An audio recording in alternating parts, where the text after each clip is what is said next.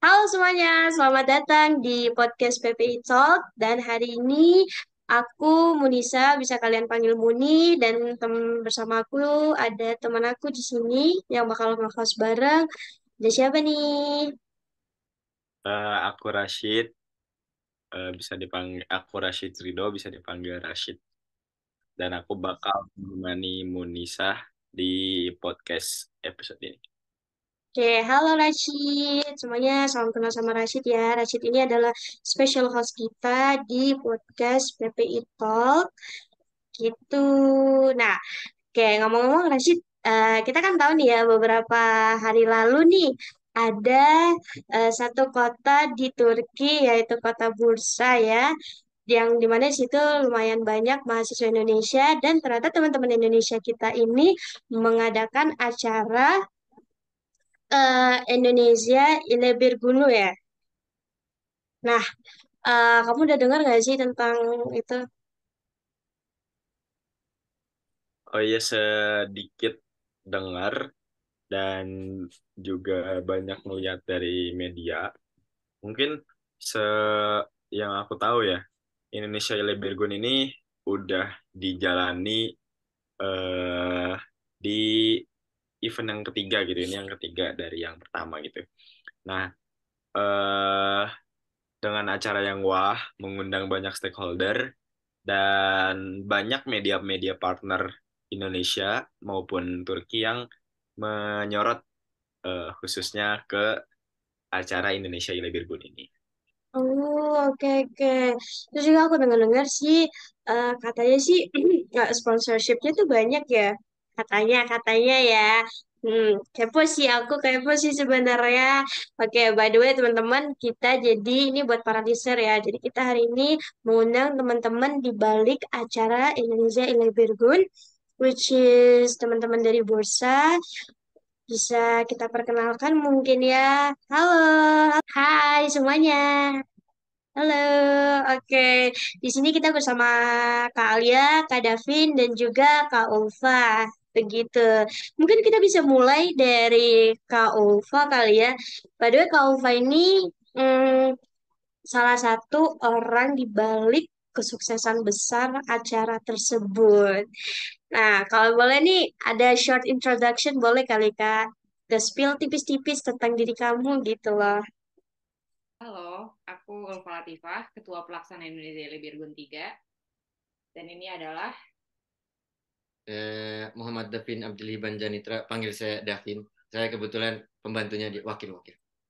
Wakil kan membantu betul tidak? ah, betul. betul. Saya yang menanggung jawabin film sih. Kalau dia lebih ke performance-nya. Wah, halo Kak Ulfa, halo Kak Davin, selamat datang guys. Wah, oke, ini boleh mungkin Kak Alia? Ah, aku Alia yang meranin jadi insan. Jadi kalau misalnya di sini kayak ada yang ngegerakin, nah aku yang digerakin ya. Oh, interesting. Ini uh, we're gonna we're gonna talk about it about it later. Tapi mungkin kita first first thing kita pertama kali kita tanya Kak kali ya. Kak Oke, jadi uh, kalau Fanny kan sa- apa ya, uh, the person alias orang yang uh, menjadi ketua pelaksana acara tersebut, ya kan? Nah, uh, kalau boleh tahu nih Kak, uh, pertama-tama itu uh, event ini ya, ini kan event ketiga nih. Uh, aku pengen tahu tuh backstory dari adanya pelaksanaan event ini yang dari yang pertama, yang kedua, dan juga yang ketiga. Jadi uh, apa sih uh, motivasi uh, teman-teman di bursa uh, mengadakan acara ini dan juga uh, kenapa sih uh, ngi- uh, ngide gitu kayak uh, membuat acara tentang mengenalkan tradisi Indonesia ke orang-orang Turki, tapi dengan acara sebesar ini gitu. Itu gimana deh Kak? Back backstory-nya gitu tentang Indonesia ile Birgun seperti itu. Jadi dulu Indonesia Lebirgun yang pertama itu tahun 2017. Eh, waktu itu warga bursa berapa, Vin? 40-an? 50? 40, 40. Eh, terima kasih 40. narasumber yang lain. 40, 40. Ya, jadi warga bursa waktu itu cuma ada kayak 40 orang dan belum banyak, nggak kayak sekarang. Eh, waktu itu karena orangnya sedikit juga dan ketemu ya banje ketemu orang asing lain itu sangat jarang. Akhirnya semangat nasionalismenya tuh keluar banget nih. Dan mereka eh, tahun 2017 itu abang-abang kita memutuskan untuk gimana kalau kita bikin acara perkenalan budaya juga? Aku nggak tahu pastinya terinspirasi dari negara mana atau mungkin lihat dari PPI mana. Aku nggak pernah bener-bener tahu. Ah, atau itu kan yang apa dari PPI pertama oh awal-awal pertama enggak sih gue langsung dapet dari kakak kelas di sini sih acara itu Iya, kayak gitu. Dan mereka mau bikin acara eh, perkenalan budaya.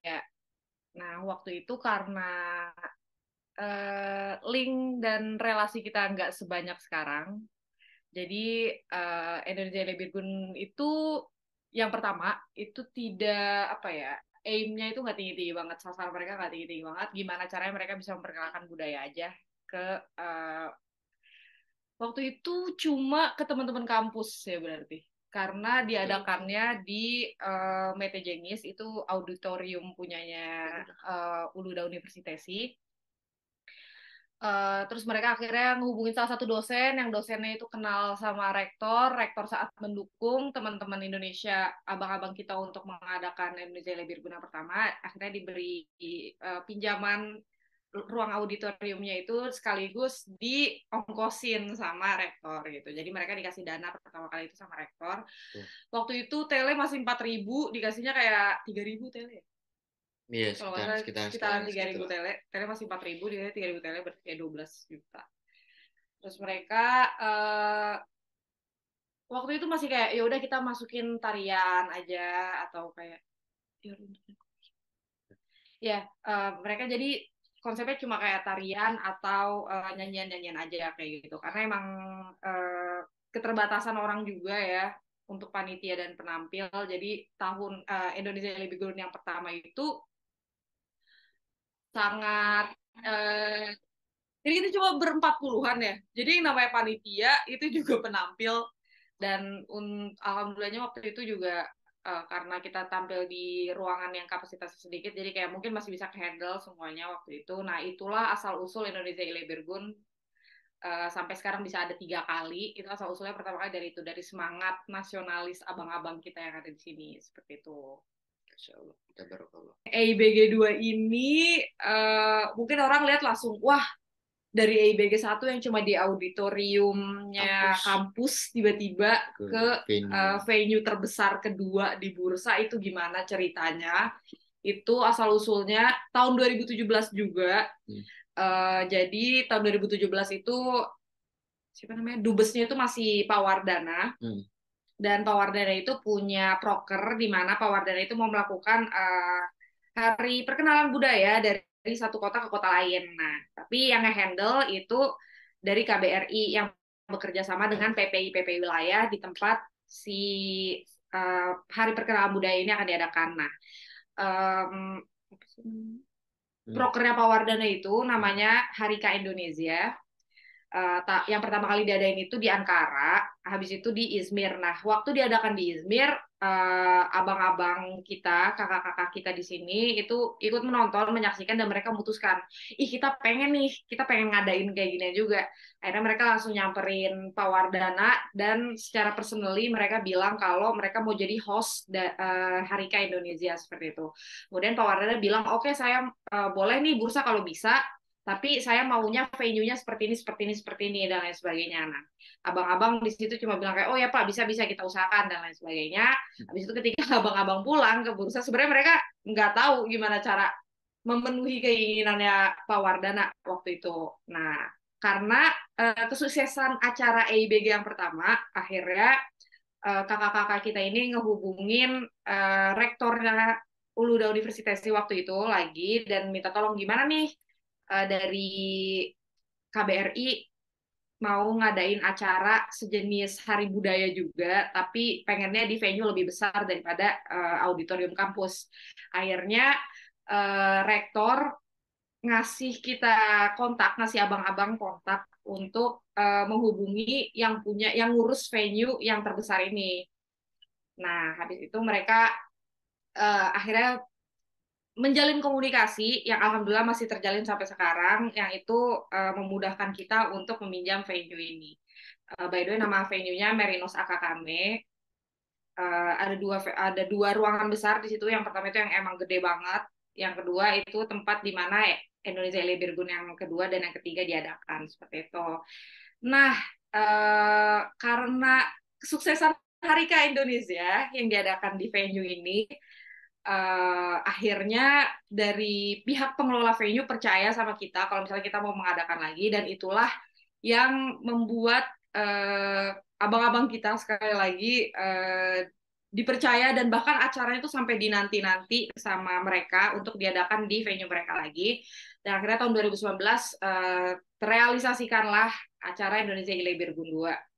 Di situ dubesnya udah ganti Pak Lalu Muhammad Iqbal dan itu agak revolusioner juga Betul. karena Pak Lalu Muhammad Iqbal ini bilang ke teman-teman bursa kalau mau diadakan acara perkenalan budaya, Pak Lalu pengennya uh, Indonesia itu kelihatan kalau sama modernnya seperti negara-negara lain seperti itu. Terus kita mikir kan, abang-abang, kita sih siapa kita? Yeah. Abang-abang mikir kan, gimana caranya nih kita bikin bikin Indonesia kelihatan kalau emang semodern negara lain karena waktu itu tuh abang-abang sering ngomong kayak orang-orang tuh bahkan waktu itu masih sering nanya emang di Indonesia ada listrik ya? Emang di Indonesia tuh kayak gimana sih mereka nggak tahu kita iya. punya transformer. Anjay. Enggak canda canda Indonesia. Iya. Yeah. anyway anyway akhirnya uh, kakak langsung nanya oke okay, pak kita bisa bikin konsep Uh, seperti yang Bapak inginkan, membuat Indonesia terlihat modern, tapi sepertinya budgetnya agak sedikit lebih banyak karena kita mau pakai layar nih di panggung seperti itu. Dan akhirnya diiakan oleh Pak Lalu Muhammad Iqbal. Dan akhirnya terwujudlah Indonesia Libir Gun 2 yang keren juga, sangat revolusioner buat uh, hari perkenalan budaya di Turki menurut kita. Ya, ya seperti itu. Nah, sebenarnya direncanakan. Kenapa? Penontonnya yang pasti EIBG kedua penontonnya kan sampai lebih dari 900 betul, betul, ya. Oh, sampai seribuan, 1200. Sangat membludak. Ya. Sangat membludak waktu itu. Dan di EIBG 2 kita berdua sama-sama terlibat lagi walaupun ya nggak baru-baru banget tapi kita semua sama-sama terlibat. Davin di media, uh, aku di artistik waktu itu. Jadi kita tahu nih seluk-beluknya seperti apa dan karena kita panitia juga akhirnya muncullah Eh, pikiran-pikiran di kepala kita berdua kayak harusnya tuh kita bisa lebih bagus dari ini. Kita tuh bisa mengusahakan yang lebih daripada IBG 2 itu. Karena kita udah punya resource yang bagus banget kayak misalnya layar lah yang ada di panggung terus kayak uh, warga bursa yang semakin banyak gitu kan. Kita udah punya resource dari uh, human resource kita punya. Dari segi dana juga ada gitu kan uh, fundingnya bisa. ya fundingnya bisa lah masih bisa diusahakan ya, karena teman-teman PP Bursa juga udah mulai banyak dan mereka banyak yang punya link ke mana-mana. Jadi kita kalau misalnya sponsorship tuh bisa banget lah diusahakan. Jadi uh, dari situ dari keluhan-keluhan kita ini yang kita tampung dan kita kumpulkan bersama-sama muncullah uh, gagasan bahwa Indonesia Birgun itu kayaknya emang tiap tahun harus naik terus nih standarnya gitu. Nah akhirnya kita Eh, dua tahun kemudian harusnya 2021 kita merencanakan mau bikin EIBG 3. Cuma waktu itu ada banyak kendala karena habis COVID banget. Betul. Jadi kayak um, visi kita ini tidak bisa diwujudkan. Hmm. Akhirnya tertunda beberapa tahun. Bulan. Beberapa bulan. 10 bulan. 9 bulan. Ya asal nyebut mulu nih. Kagak nama. Iya, jadi kita ngumpulin konsepnya dan segala macam gimana kita mau bikin Indonesia Lebirgun yang ideal menurut kita. Dan akhirnya tahun 2022 terbentuklah kepanitiaan Indonesia Lebirgun yang ketiga dengan saya sebagai ketua. Jadi waktu itu cuma saya yang ditunjuk, terus saya disuruh nyari panitia sendiri karena emang biasa ya IBG oprek kayak gitu. Dan orang pertama yang saya ajak untuk join karena saya sangat percaya dan etos kerjanya bagus dan pace kerja kita sama adalah ini. Muhammad Davin Abdul Hiban Janitra. Nah, nah uh, EIBG 3 itu again karena kita pengen eh, standar Indonesia Labor itu selalu naik dan kita ingin menawarkan sesuatu yang berbeda dan mengoptimalisasi resource-resource yang kita punya, akhirlah akhirnya akhirlah Akhirnya. akhirnya terbentuklah. Nah, akhirnya terbentuklah eh, konsep Indonesia Lebirgun yang eh, sepertinya sangat berbeda. Enggak sepertinya sih, emang sangat berbeda dengan sebelum-sebelum. sebelum-sebelumnya, dengan yang biasa kita lihat juga. Jadi eh, kita mau kalau kita kalau aku pribadi sih aku melihatnya Tanah Tenggunu itu maksudnya Hari Perkenalan Budaya itu selalu cuma tentang penari atau penampil keluar masuk panggung selesai. Tapi di situ aku mikir kayak harusnya tuh kita bisa bikin dari awal acara sampai akhir acara tuh berkesinambungan. Iya. Ah, main lagi interview sini.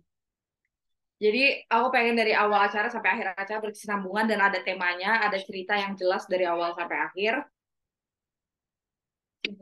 Udah, udah, shh. Udah diam. Udah diam. Jadi kita pakai naskah yang waktu itu ditulis oleh Anissa Firdaus tahun 2022 itu eh, dia menjabat sebagai ketua PPI Bursa. Kemudian eh, ya gitulah.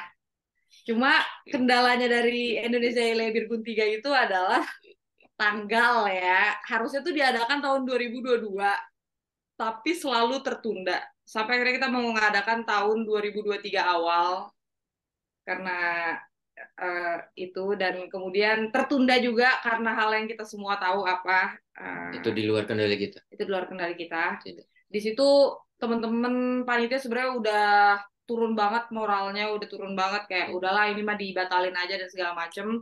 Tapi kemudian eh, bulan April Oke, bulan April kita kayak nggak apa-apa kita gas aja lagi ini udah sayang banget penampilan kita udah oke banget konsep kita udah keren banget Hmm. kita tinggal eksekusi aja masalah eh, uang atau segala macem masalah resource-nya pendanaan dan ini itu bisa kita usahain nggak apa-apa kita gas aja dan itu aku sangat berterima kasih banget sama teman-teman panitia yang masih ngejaga semangatnya masih pengen eh, Indonesia Lebirgun 3 ini terrealisasikan Hmm. dan akhirnya kemarin tanggal 3 Juli akhirnya terwujudlah Indonesia Lebirgun 3. Bagus Hmm. juga ya 3 3. Tiga-tiga, mantap. Nah, begitu ceritanya. Kendala dari EBG 2 setelah eh, EBG 2, EBG 3 kan tadi juga apa namanya? Bisa dibilang bukan mendadak ya. Ya mendadak juga nggak sih? Maksudnya persiapannya dari pending itu. Iya, dari pending itu sebenarnya mendadak Ada- banget. kayak sih. ban- ada beberapa tim lah yang menurut kita juga akhirnya ada beberapa yang apa namanya kita kurang tapi alhamdulillah bisa kita tutupi dan alhamdulillah jadi loh keren mantap Oke. etos sih intinya adalah kita Terus kerja. etos kerja sih konsisten anjay ikuti Oke. pepatah Cina Kesian. Ih, banyak banget ngomongnya. Ada tanya yang lain, silakan. Mantap. Keren, keren, keren. Itu eh, ya ini kan podcast Kak. Ya memang yang dibutuhkan adalah yang banyak berbicara dan sangat-sangat memberi insight yang clear gitu kan tentang EYBG itu sendiri. Well, tadi aku udah dengar dari cerita EYBG 1 sampai yang ketiga nih ya. Hmm, dan apa ya, itu interesting banget. Berarti ini Kak Ulfa itu ditunjuk atau meng- ngajuin diri sih buat jadi ketua pelaksana itu? Semangat juga Eh, sembarangan. nah Enggak, ditunjuk enggak, ditunjuk, ditunjuk, ditunjuk. ditunjuk. Sebenarnya itu ada ada backstory-nya, tapi kayaknya nggak usah deh ya. Kayak itu seru sih sebenarnya kalau diceritain kan kita pengen tahu nih sedetail-detailnya gitu. Karena mm, karena di balik di balik cerita itu itulah mengapa Kalva dengan apa ya dengan motivasi yang sangat tinggi akhirnya merealisasikan idenya dan akhirnya acara sangat sukses besar-besaran gitu. Hmm. Boleh boleh.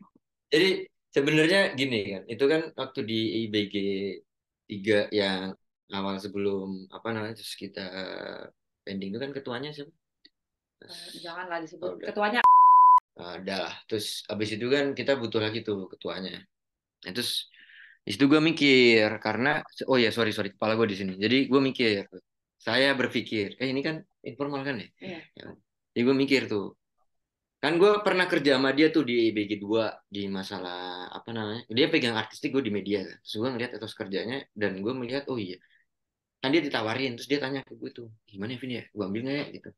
Gue bilang ambil sih Pak gitu. Karena lu punya nih standar apa namanya seenggaknya standar untuk hal seni itu ada gitu. Itu sih. Maksudnya sedangkan kalau misal penampilan tuh dari sebelumnya menurut gue butuh satu orang yang bisa tahu masalah standar visual ya. Dari itu apa namanya dekor terus dari pakaian tadi para penari kita main lighting habis itu konsep.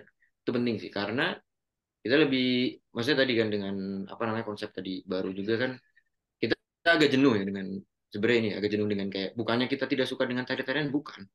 Cuman sebelum-sebelumnya kan kita selalu tari-tari-tari itu akhirnya pengen lah biasa lah kalau misal kita sama-sama orang seni pasti tidak akan puas dengan satu pencapaian tuh makanya pengennya sesuatu yang kayak luar nah dia nih yang bisa membawa itu nah akhirnya ya gue juga akhirnya gue gak apa-apa gue bantu tapi gue pengen bikin film gitu Oke.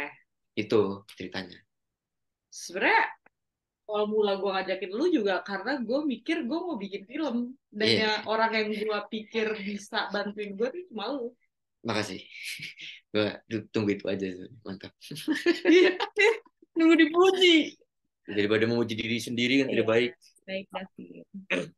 Jadi kayaknya ada beberapa pertanyaan deh yang gua mau asalnya tanyakan ternyata udah terjawab sendiri sama Kak Ulfa sama Kak Davin yaitu kenapa di ada beberapa bukan komentar ya tapi beberapa penilaian dari mungkin teman-teman yang audiens ketika nonton IB, IBF IBF lagi apa Indonesia Lebih Good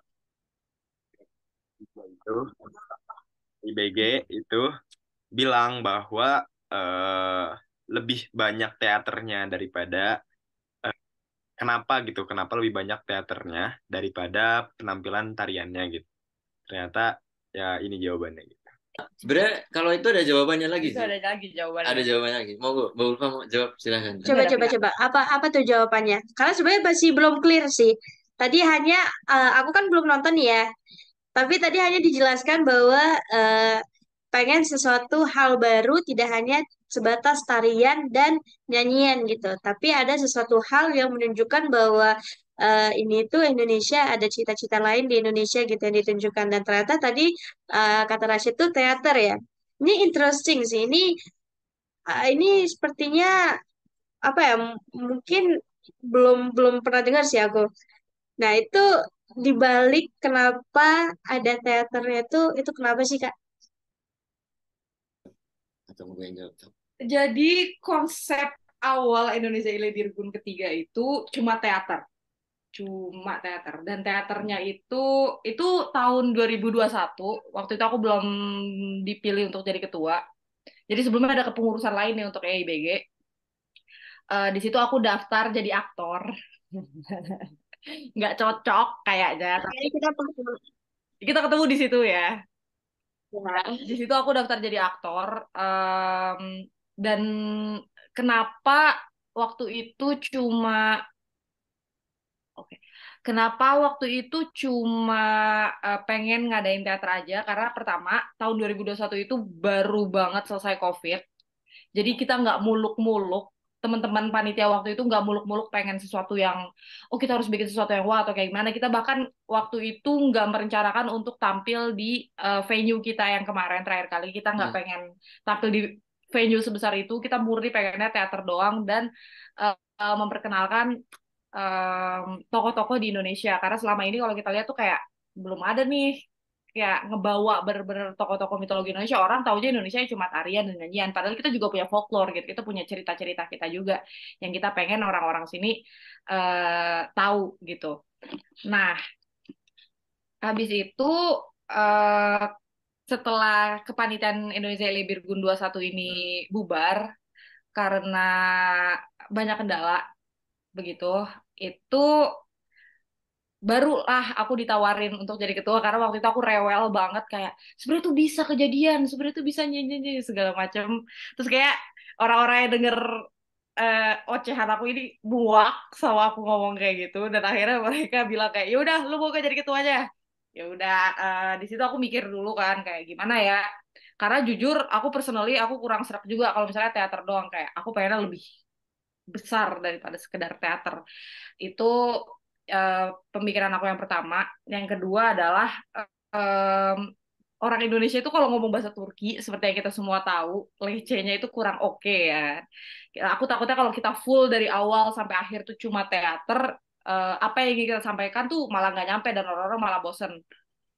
Itu yang kedua. Dan yang ketiga adalah um, Indonesia Lebirgun itu selalu uh, ramai bukan cuma sama kita-kita aja.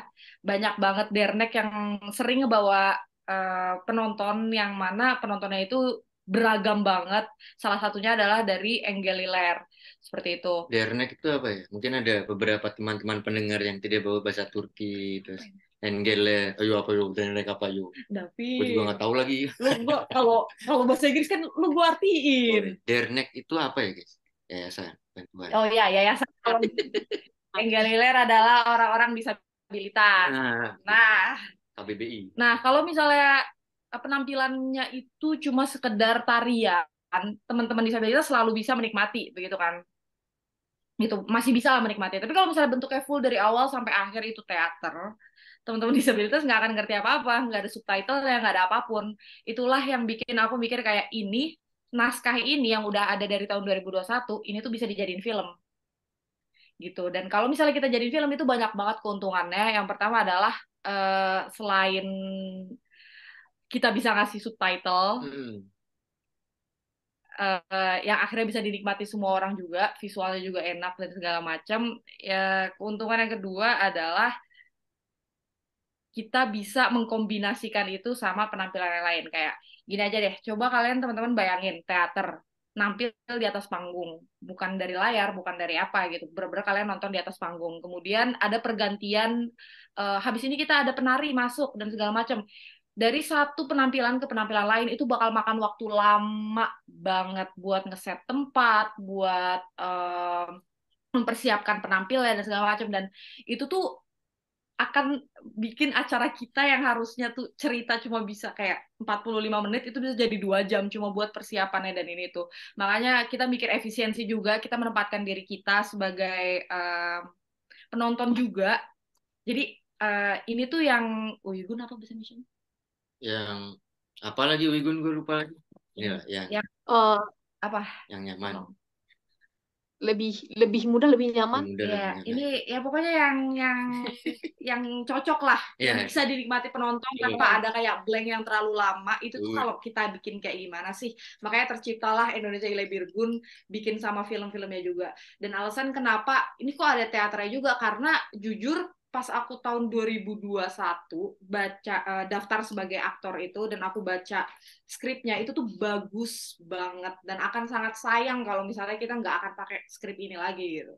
Makanya kenapa aku ambil juga, aku sadur juga uh, si skripnya ini kita tetap pakai di tahun 2023 ini ya karena sangat bagus itu. Yang kedua adalah tahun 2021 itu uh, sama uh, bertepatan sama Hari Bumi. Hmm. Jadi tahun memperingati tentang tahun bumi. Jadi skripnya ini benar-benar dicocokin sama keadaan waktu itu tentang apalagi habis Covid kan banyak sampah masker di mana-mana. Hmm. Terus orang-orang juga kayak um, prioritasnya itu bukan ya ya emang namanya juga lagi pandemi ya prioritasnya itu bukan menjaga lingkungan gitu prioritasnya adalah bagaimana tetap sehat gitu. Tapi kan setelah pandemi selesai ini kita lihat gitu ternyata efek sampingnya tuh heboh banget gitu berat banget juga buat bumi kita. Makanya terciptalah skrip yang bentuknya seperti itu. Hmm. gitu nah untuk proporsi teater semua penampilannya itu aku anggap udah yang paling pas dari semua ceritanya tetap masuk, terus penampilannya gimana kita bikin mereka tetap nyambung sama filmnya, itu menurut aku udah proporsi paling oke okay, seperti itu. Berarti uh, komposisi apa ya namanya porsi teater sama drama bukan drama apa namanya penampilan itu uh, udah diatur gitu ya sama pelaksana sendiri. Oke, kalau boleh tahu kan takutnya nanti audiens, terutama uh, penonton yang nggak nontonin langsung uh, Indonesia Elebergun ketiga ini, boleh Kak uh, Ulfah sama Kak Davin sebagai director dan eh, apa namanya perancang di balik ini boleh nggak ngejelasin secara ke seluruh yang tadi udah dibilangin Kak Ulfa itu yang eh, Kak Ulfa cuma baca skripnya aja udah berasa waduh bagus banget nih coba dijelasin gitu ke kita gimana sih eh, dan kenapa sih bisa sewow itu gitu Oke, jadi Indonesia Lebih Gunti kayak ini kita mengangkat tema tentang lingkungan, bercerita tentang manusia, namanya insan. Ini eh, dia suatu hari tersadar bahwa buminya, bukan bumi, rumah. Jadi judul acara kita ini Evel Juluk, Perjalanan ke Rumah. Suatu hari dia tersadar bahwa rumahnya itu hancur dan dia harus menemukan rumah baru. Um, nah, kemudian eh, di perjalanan dia mencari rumah baru, dia itu bertemu sama Dalang, Hajibat dan Karagos. Jadi Hajibat dan Karagos itu buat teman-teman yang belum tahu, mereka adalah eh, tokoh di Turki yang sering ditampilkan dalam bentuk pewayangan gitu. Betul, yang Jadi, relate lah. Iya, mirip-mirip lah sama Indonesia. Dan kenapa ada dalang juga mungkin it- itu nyambung-nyambung gitu di situ. Nah, em, dalang ini memberi insan sebuah kendi, dan di kendi itu ada petunjuk ke mana dia harus pergi. Eh, petunjuk yang pertama adalah dia harus pergi ke laut. Kenapa ke laut? Karena em, salah satu yang paling sering kita kalau misalnya kita baca berita atau gimana pasti eh, tahu lah ya kalau misalnya banyak banget sampah plastik di laut gitu yang dia terapung lah dan yang seperti yang kita ketahui plastik itu nggak bisa terurai jadi sampah kita banyak berakhir di laut dan kenapa dia pergi ke laut juga karena kita ingin mengangkat tokoh mitologi Indonesia yaitu Nyi Roro Kidul seperti itu. Nah, jadi ketika insan ini pergi ke laut, dia ketemu sama yang punya laut ceritanya yaitu Nyi Roro Kidul. Di sana insan diberi eh, pertanyaan kalau misalnya insan berhasil menjawab pertanyaannya, nanti Nyi Roro Kidul akan memberikan dia rumah. Nah, dan pertanyaan yang diberikan itu nggak cuma pertanyaan-pertanyaan kayak tebak-tebakan aja, pertanyaannya itu juga mengandung eh, syarat akan makna dan pelajaran hidup seperti itu.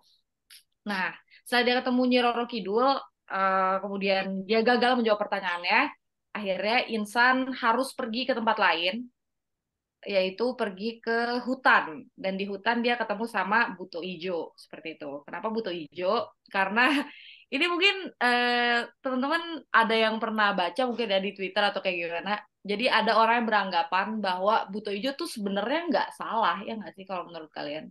Buto Ijo itu tuh cuma mau ngambil kembali haknya aja ya nggak kalau diceritanya. Tapi dia diportray sebagai orang jahat dan kita di sini di Indonesia Lebih Gun 3 ini kita pengen meng-highlight dia sebagai orang baiknya tentang gimana dia cuma mau ngambil haknya aja. Seperti itu. Nah, dia ketemu Buto Ijo, kemudian dia ketemu Buto Ijo sama diberi pertanyaan juga dan lagi-lagi insan gagal menjawab pertanyaannya karena sifat insan itu seperti halnya kebanyakan manusia, seperti halnya kebanyakan kita adalah tergesa-gesa, so tahu, selalu ngerasa paling benar. Maaf Alia, tapi memang seperti itu. Manusia pada umumnya dia. Ya manusia pada umumnya lah, sifatnya kayak gimana ya. ya, Ya, ada sifatnya gitu. eh, dan sifat asli manusianya ini tuh akan sangat ditunjukkan di perjalanan dia ini. Nah, di situ dia gagal lagi dan kemudian dia dari sini eh, harus pergi ke bulan.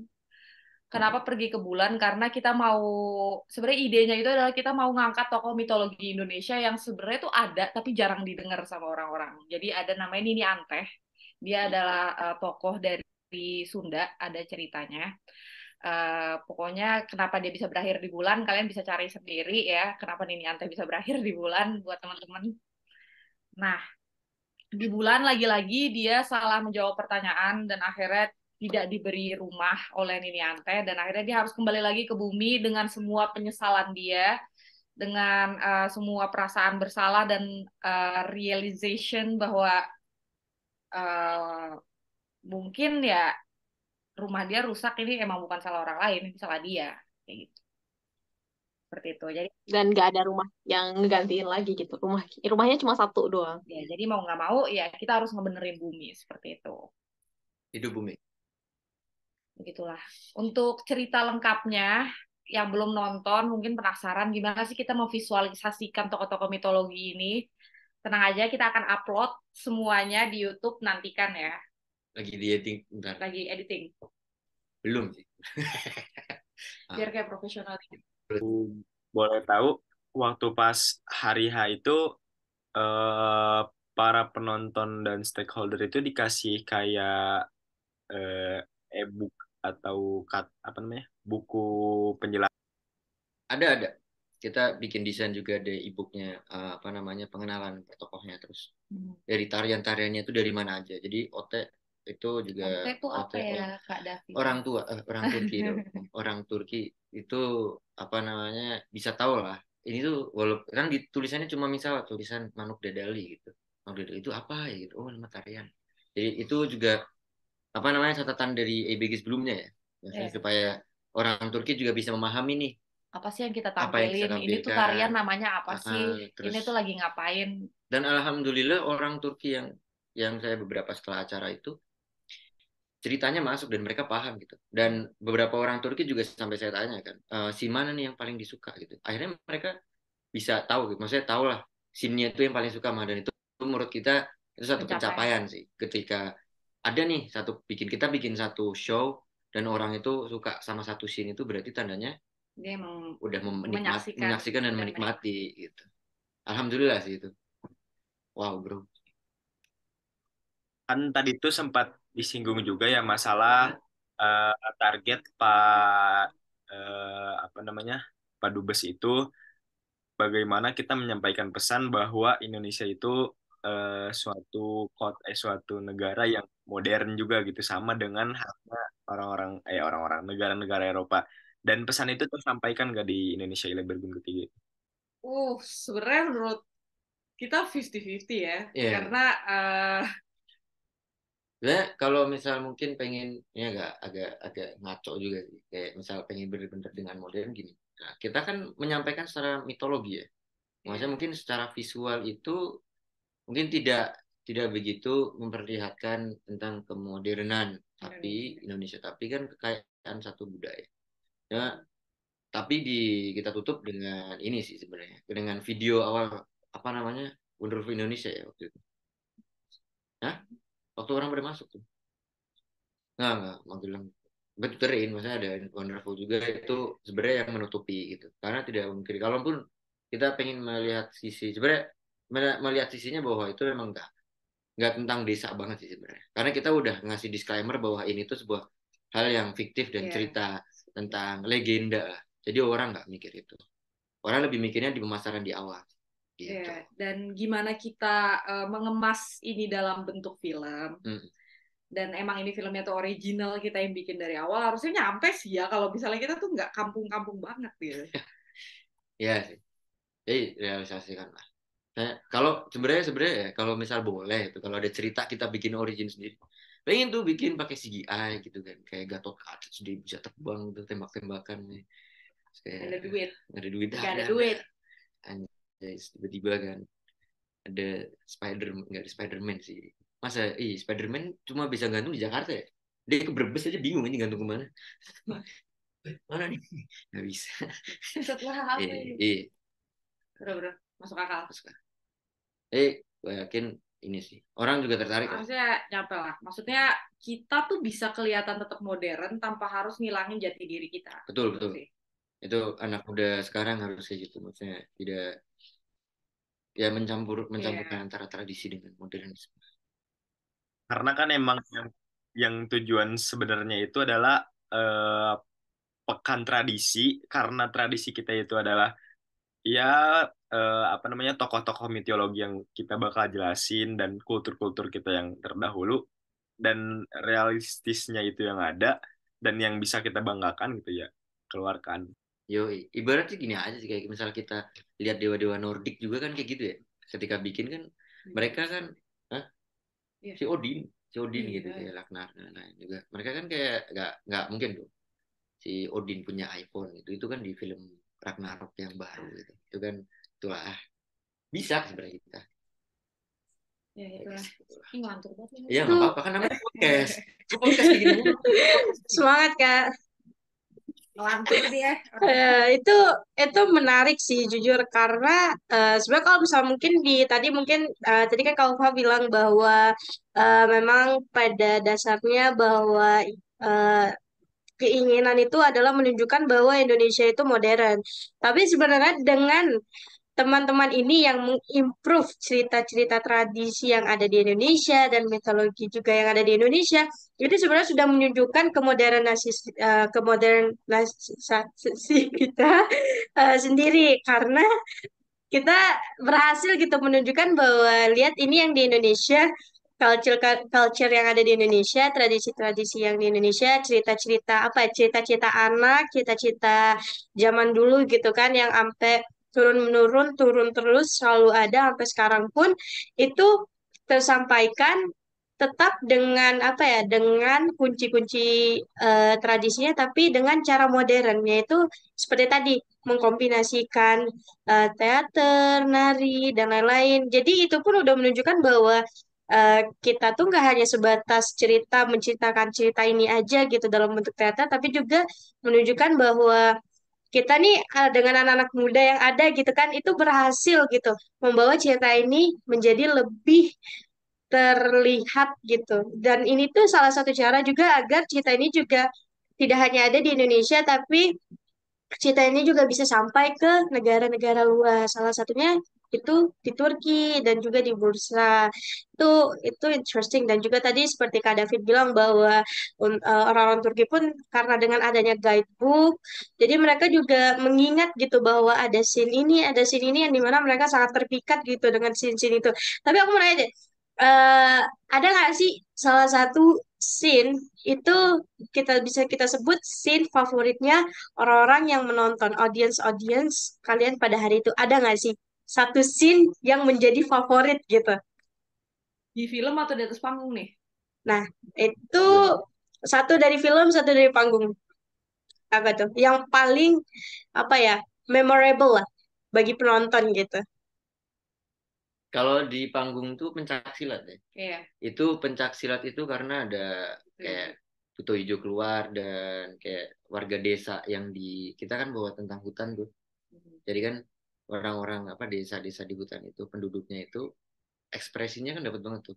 Dan orang ngerasa gitu. Itu scene terfavorit yang saya dengar sampai saat ini tuh. Rata-rata orang maksudnya di pencak silatnya lebih apa namanya hidup di situ.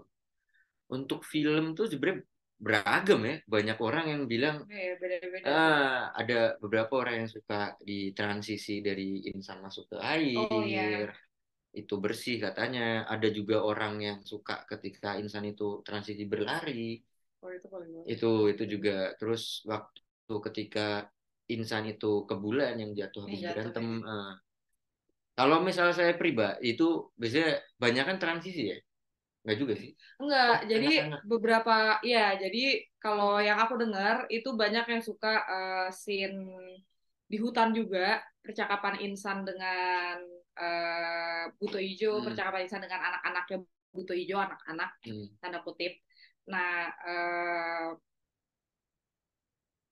gue mau ngelucu tapi nanti aja deh. Eh, jangan ditahan. Ngelucu itu harus tetap moment, bro. Enggak kan kalau eh, Buto Ijo itu di cerita aslinya anak yang dia culik cuma satu ya. Iya. sekarang udah ada tiga jadi kalau di film tuh anaknya ada tiga jadi dia kayaknya kebanyakan nih nyulik anak-anak ya anyway eh, ya ada yang suka interaksi insan dengan anak-anaknya di situ anak-anaknya butuh hijau karena percakapannya emang di situ dibikin lucu emang sisi komedinya di situ Eh, kalau dari orang Indonesia sendiri rata-rata sukanya scene berantemnya insan sama butuh hijau karena jujur aku juga paling suka scene itu karena practical banget, tactical banget eh, syutingnya, Iya, betul. Betul. hektik dan seru. Betul. Aku juga, aku juga. Kamu juga, oke. Ah, iya, ah, iya. sebagai Nih, coba tokoh utamanya juga paling suka scene berantemnya. coba kita tanya ya, Bu. Ya. Gimana tuh? Benar-benar. Gimana? Iya, kayak waktu pas awalnya kan pas syuting itu itu kan berkali-kali kan, agak di-cut sebelah sini, cut sebelah sini. Jadi nggak tahu nih kira-kira hasilnya tuh bakal kayak gimana. Terus habis itu setelah pas mulai editing, aku kan dikasih tahu juga sama Kak Ulfah, itu bener-bener kayak, wow, aku suka banget part ini gitu. Eh, Terus kalau orang Turki, eh kebanyakan yang yang bener-bener ngikutin filmnya dan lihat eh, ekspresi dari tokoh-tokoh kita ini banyak banget juga yang suka sama scene Nini Anteh karena kebetulan Nini Anteh itu yang memerankan Anfir dan Anfir itu bagus banget aktingnya bahasa Turkinya juga bagus banget jadi Ini, ini Alda juga bagus nih. Alda. iya bagus Iya jadi em, banyak yang bilang kalau oh scene Nini Anteh ini paling eh, nyaman dilihat gitu maksudnya Iya. eh, bisa dinikmati banget apalagi di situ Anfir itu di kita kasih make upnya tuh bener-bener kayak make up orang tua dan cara dia ngomong tuh bukan kayak orang biasa bukan kayak anak muda dia bener-bener gimana bikin suara dia tuh kedengeran kayak orang tua tuh bisa banget dan orang-orang tuh kayak dapet banget dan menurut mereka itu keren banget gitu Iya. Fun fact setelah Unfair syuting itu suara dia habis. Oh. Betul Langsung jadi orang tua beneran. Maksudnya, Karena sosokan sih jadi orang tua. kalau Nyi Roro Kidul itu em, kayaknya favorit teman-teman Panitia, terutama artistik, karena eh, itu scene-nya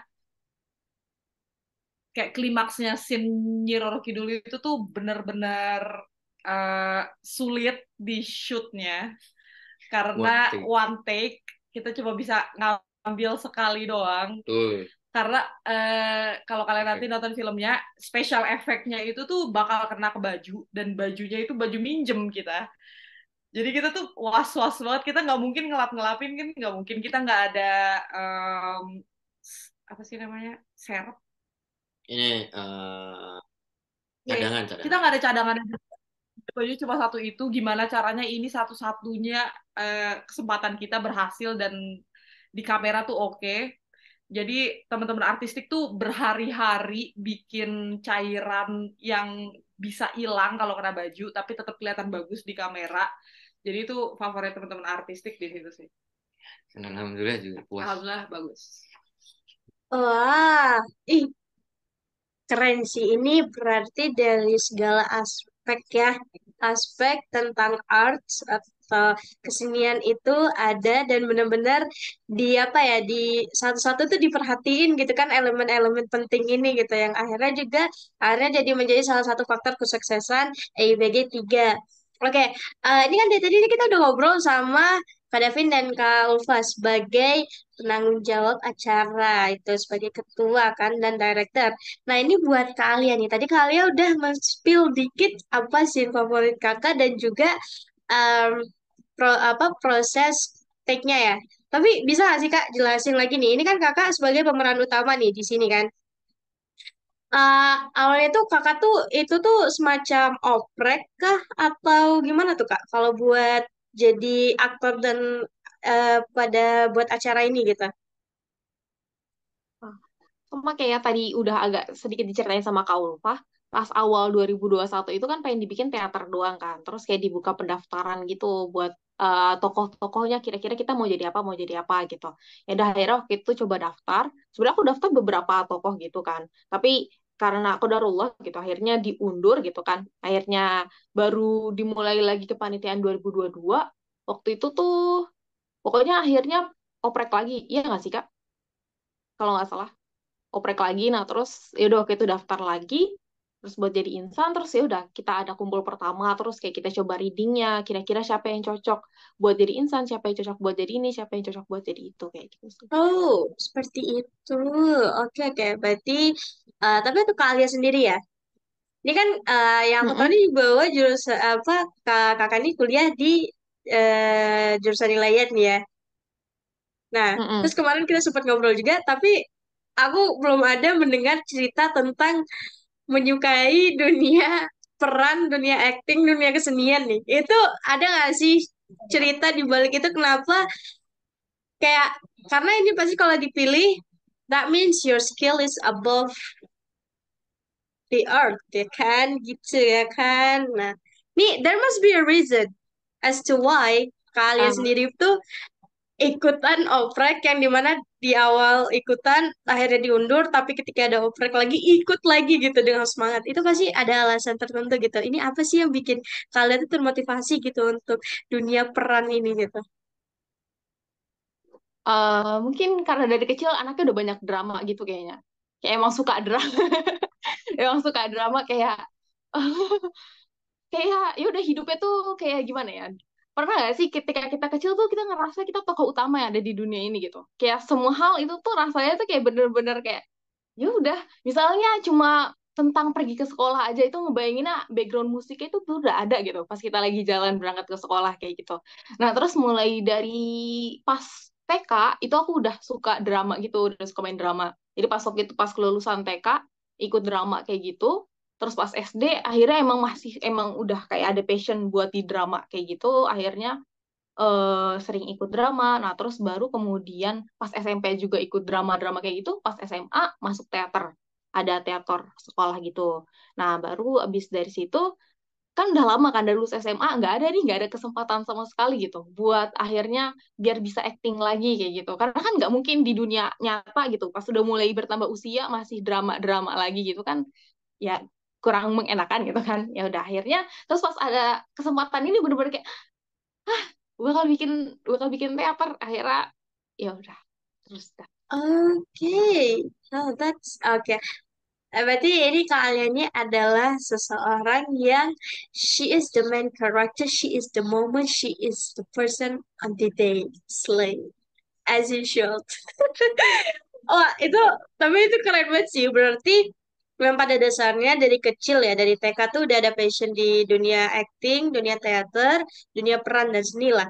Dan akhirnya alhamdulillah yang tadinya terakhir kali pada SMA pas udah masuk dunia kuliah ya memang itu udah berbeda dan juga mungkin karena rantau ke negara lain juga ya nggak sih. Jadi mungkin merasa bahwa tidak ada kesempatan gitu kan. Nah, dan akhirnya alhamdulillah uh, ketika mendengar nih ada oprek tentang AIBG gitu kan dengan senang hati gitu Anda uh, I must do it I gotta take my chance this is my day gitu kan this is my time to shine gitu kan nah, itu itu keren banget sih berarti kalian tuh tetap apa ya uh, tetap merasa bahwa ketika ada kesempatan untuk menunjukkan talent kalian, kalian dengan senang hati melakukan itu. Tapi ada nggak sih? Tadi kan udah ngobrolin tuh ada scene dan lain. Itu itu itu gimana sih Kak? Experience-nya itu susah atau enggak sih Kak? Hmm, sebenarnya ini sih karena tadi alasannya sebenarnya ikut itu ya udah kayak emang pengen acting lagi aja gitu emang apa ya sebenarnya bukan talent juga sebenarnya aku nggak pernah diasah segitunya kan jadi emang nggak sebagus itu gitu. Makanya itu mungkin jadi struggle ketika syutingnya tuh misalnya aku masih ngerasa kayak kurang kah atau kayak gimana kah itu masih tetap ada kayak gitu tapi karena memang di tujuan utamanya ya kapan lagi gitu, kapan lagi kita punya waktu buat kayak gini sama teman-teman buat kayak bikin project kayak gini lagi gitu. Itu sih yang akhirnya jadi penguatnya gitu. Dan terus kemudian misalnya pas lagi syuting itu kayak ngelihat perjuangan teman-teman yang usaha teman-teman buat ngebikin itu jadi, itu bener-bener jadi semangat banget sih. Walaupun emang ada struggle. That's very cool. I like it. I like how you how motivated you are gitu kan. Tapi memang benar sih, mungkin dikarenakan juga kaliannya juga uh, apa ya uh, ikhlas banget melakukan itu, terus ngeliat teman-teman perjuangan teman-teman juga, akhirnya kalian pun merasa bahwa I must do my best karena ya udah kalian juga udah milih bahwa ada memilih untuk mengikuti acara ini dan juga terpilih untuk menjadi peran utama gitu kan. Tapi ngomong-ngomong menjadi peran utama nih, ada nggak sih Kak uh, salah satu momen selain yang momen uh, scene berantem ya, ada nggak sih Kak momen uh, pada saat di stage ini Kakak merasa bahwa it's it's me, I did it gitu. Uh, waktu pas bagian bulan, waktu nangis. Itu gak tau sih pas gak tau sih kayaknya waktu itu emang lagi di state yang kayak uh, kayak capek aja lagi kayak capek terus di situ bagiannya terus kayak bener-bener desperate yang kayak ini beneran? Kamu nggak mau ngasih aku rumah? Beneran aku salah aku nggak punya kesempatan apa-apa lagi. Aku nggak punya aku nggak punya pilihan apa-apa lagi. Itu bener-bener di situ kayak kena banget akhirnya di situ langsung kayak lepas semuanya. Jadi aku ngerasa kayak bagian itu aku suka bagian. Oh wait so you put your soul into the acting yang akhirnya di mana merasa bahwa ya kalian tuh menempatkan bahwa benar-benar kalian tuh ada di situasi yang sebenarnya terjadi di kehidupan nyata dan akhirnya merasa bahwa wah ini ternyata sesusah ini gitu kan secapek ini gitu jadi jadi si insan gitu kan dan akhirnya itu di mana tempat ya you let it out lah the tears gitu kan Wah, that's that's very cool. Actually, aku sangat-sangat interest dan kayak excited banget pengen lihat nih ya. Pengen lihat nih, eh, kira-kira kapan nih di-upload nih? apa nih ya? Hmm, eh, panitia, panitia. Hmm, kapan ya? Di-upload nih. Ceritanya IBG 3 kapan nih di-upload? Secepatnya kah? Atau gimana nih? Kapan video filmnya diupload, Mm-mm. Kak? Nge-lag mereka. Macet lagi. Mereka macet. Oh, bercanda. Ya, bisa acting juga kita nggak main juga bisa acting Oh, oh, oke. Tamam, tamam. Kelihatan kayak macet beneran nggak? Beneran. Kayak beneran. Sumpah. Beneran. Sumpah Oh. beneran. Kayak nafasnya tuh gak ada gitu. Aku aku sama kali aja deh kayak, eh macet nih. Kapan Vin di-upload? Gue ngilang aja deh. eh, ntar ya eh, sabar guys. Ini bulan apa? Gua target ya Juli akhir kita udah bisa. Ya, jadi karena ini baru H plus 4 teman-teman teman-teman saya tak kasih libur dulu kasih ya iya kasihan butuh libur. Karena tim media kita juga pada pergi liburan. Betul sekali. Jadi ngeditnya agak berat nih kalau jauh-jauhan. Bertiga. gitu. Iya. Makanya ditunggu ya, insya Allah bagus banget karena eh, apa yang kalian tonton di atas panggung itu tuh nggak ya karena satu dan banyak hal itu nggak nggak nggak bukan full experience-nya. Jadi aslinya itu tuh jauh lebih bagus dari itu dari segi kameranya, dari segi filmnya, dari penampilannya itu tuh jauh lebih eh, berkualitas. Ya karena dan panggung kan ada kendala ini itu pasti. Kenapa makanya nggak em, walaupun bagus bagus itu bagus.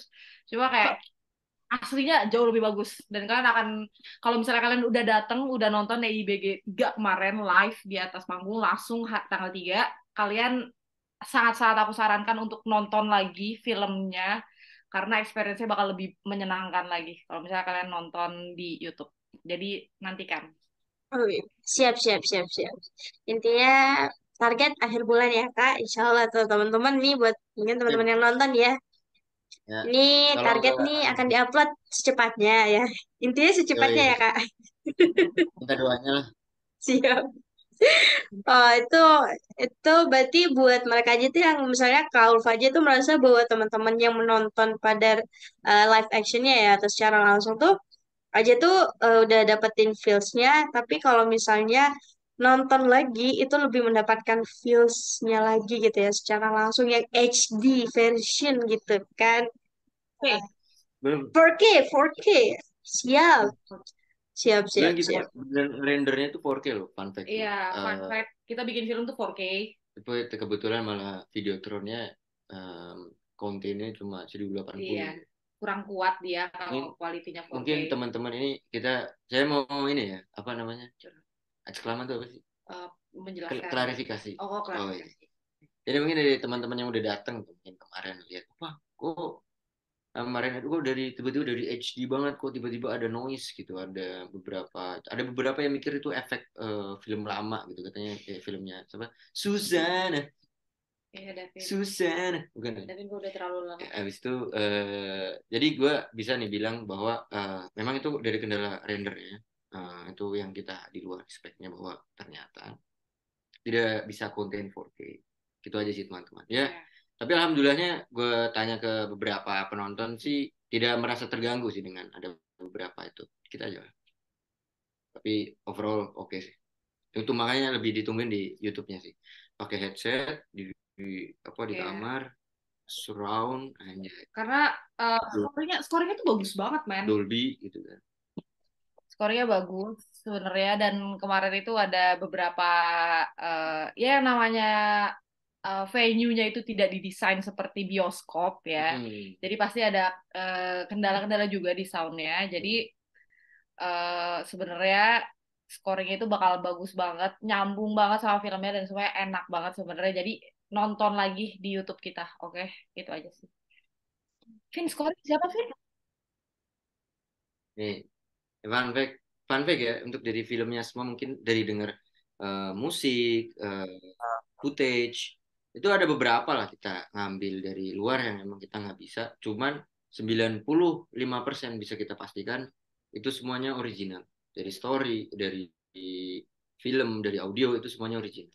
Jadi nggak ada apa namanya copyright copyrightnya cuma satu dua. Itu yang beberapa di luar kemampuan kita. Misal kan waktu itu mendung jadi nggak bisa syuting bulan. Ah, oke oke. Oh itu itu itu seru banget sih, itu keren banget sih benar-benar apa ya? eh, di lain dari memang eh, ada skrip, tapi juga teman-teman ini menggunakan resource yang ada sebaik mungkin dan juga menomorsatukan originalitas itu sendiri gitu kan dari footage dan juga seperti skrip juga memang itu juga buatan dari teman-teman PP Bursa ya. Terus juga teman-teman di sini memang benar-benar menggunakan dari apa ya, dari software editing dan juga yang mungkin ya seperti yang tadi Kak David bilang bahwa render itu di luar dari kemampuan teman-teman sendiri ya. Karena kita tidak bisa expect tiba-tiba di tengah gitu kan ada tulisan error gitu kan. Aduh, udah lah gitu kan. Itu udah udah udah nggak bisa diiniin lah ya. Tapi benar sih, tapi terlepas dari itu tetap tidak apa ya, tidak eh, hasilnya itu eh, tetap memuaskan, tapi kalian ingin teman-teman yang udah nonton juga tetap eh, menyaksikan atau menonton kembali versi yang benar-benar lebih baik dari yang ditampilkan pada hari itu. Ah, that's that's very cool. Dan ini juga sih berharap juga kayak apa ya? Setelah misalnya mungkin ketika udah nonton di YouTube lebih jelas lagi. Te- Kemudian bi- mungkin bisa lebih memaknai apa sih sebenarnya yang pengen disampaikan di cerita itu. Gitu sih berharapnya. Iya, betul betul. Mungkin karena juga mungkin biasanya kan yang nonton tuh ya kita anggap aja mungkin ada yang FOMO gitu kan.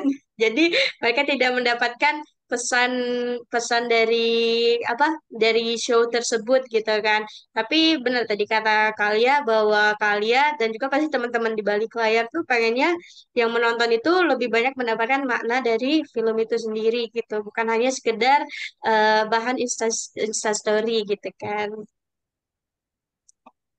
I'm not shading anyone, okay? I'm not shading anyone. It's just like kita harus mengapresiasi gitu kan teman-teman di balik layar seperti itu. Wow. Wah, Rashid gimana nih? Udah udah lumayan apa ya? Lumayan lama nih ya kita berbincang-bincang sampai kita tuh udah nggak sadar sama waktu nih ya. Gimana nih Rashid? Setelah Kak Ulfa, Kak Davin, dan Kak Alia menceritakan ya cita-cita di balik layar dan juga di atas panggung dan eh, segala macam yang relate pada IBG 3 gitu. Mana nih? Eh, cukup eh, dinamis dan eh, banyak apa ya ya cukup dinamis lah ternyata ya di balik eh, apa namanya Indonesia Ilebirgun ini karena ya mau segimanapun eh, besar suatu acara ya tetap di baliknya ada pergesekan lah ya Eh, ya tentunya juga eh saya juga turut apa ya ya bangga juga lah ketemu orang-orang hebat kayak uh, Ulfa kamu Kak Davin yang mendirect eh, mendirect eh, acara Indonesia Libergun itu terutama juga Kak Alia juga gitu sebagai tokoh utama di balik eh, Indonesia Libergun. Saya juga merasa bangga ketemu sama kalian berdua juga kan pas saya di interview. Belum pernah loh selama hidup saya di interview gitu. Karena di interview manro buka kan serem juga. Oh enggak, astagfirullah. Yang gitu. Si interviewnya paling di interview.